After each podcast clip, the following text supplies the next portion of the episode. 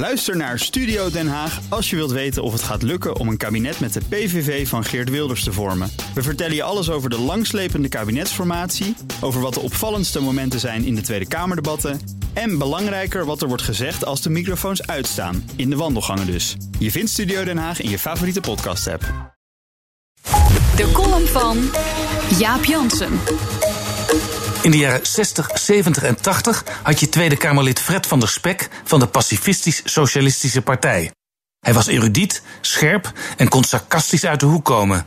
Hij leidde een fractie van twee, drie mensen en soms deed hij het in zijn eentje. Het ging hem niet om de hoeveelheid zetels. Het enige belangrijke was dat het principiële geluid van zijn partij, van hem, Slans vergaderzaal geestelde. Toen zijn fractiegenoten genoeg hadden van het klein maar fijn zijn en samen met de al even kleine radicalen en communisten GroenLinks oprichtten, distancieerde hij zich meteen en begon een eigen partij. Uiteindelijk was er nog maar één spekkiaan over, Fred van der Spek zelf. Socialisten zie ik niet meer, klaagde hij in 2003, zelfs niet in de SP. Ze hebben een paar jaar geleden de beginselen veranderd, waardoor datgene wat op socialisme leek er ook nog uit is gegaan.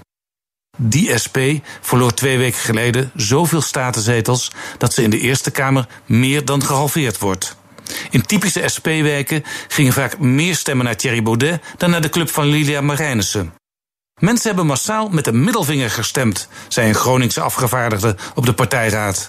Veel SP'ers denken dat er maar één oplossing is. De SP moet de elite een schop onder de kont geven, zoals partijvoorzitter Ron Meijer het uitdrukt. We moeten de boel weer in de fik zetten. Van der Spek zou het gezegd kunnen hebben. Het gaat om het principe, niet om het resultaat. Een maand eerder hield de SP ook al een partijraad. Daar bleek extreme verdeeldheid over de vluchtelingenkoers. 41% van de daar aanwezige leden vond het SP-asielbeleid niet humaan genoeg.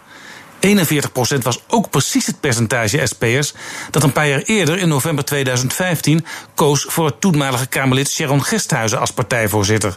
Ook zij wilde een andere koers, maar verloor het van Ron Meijer.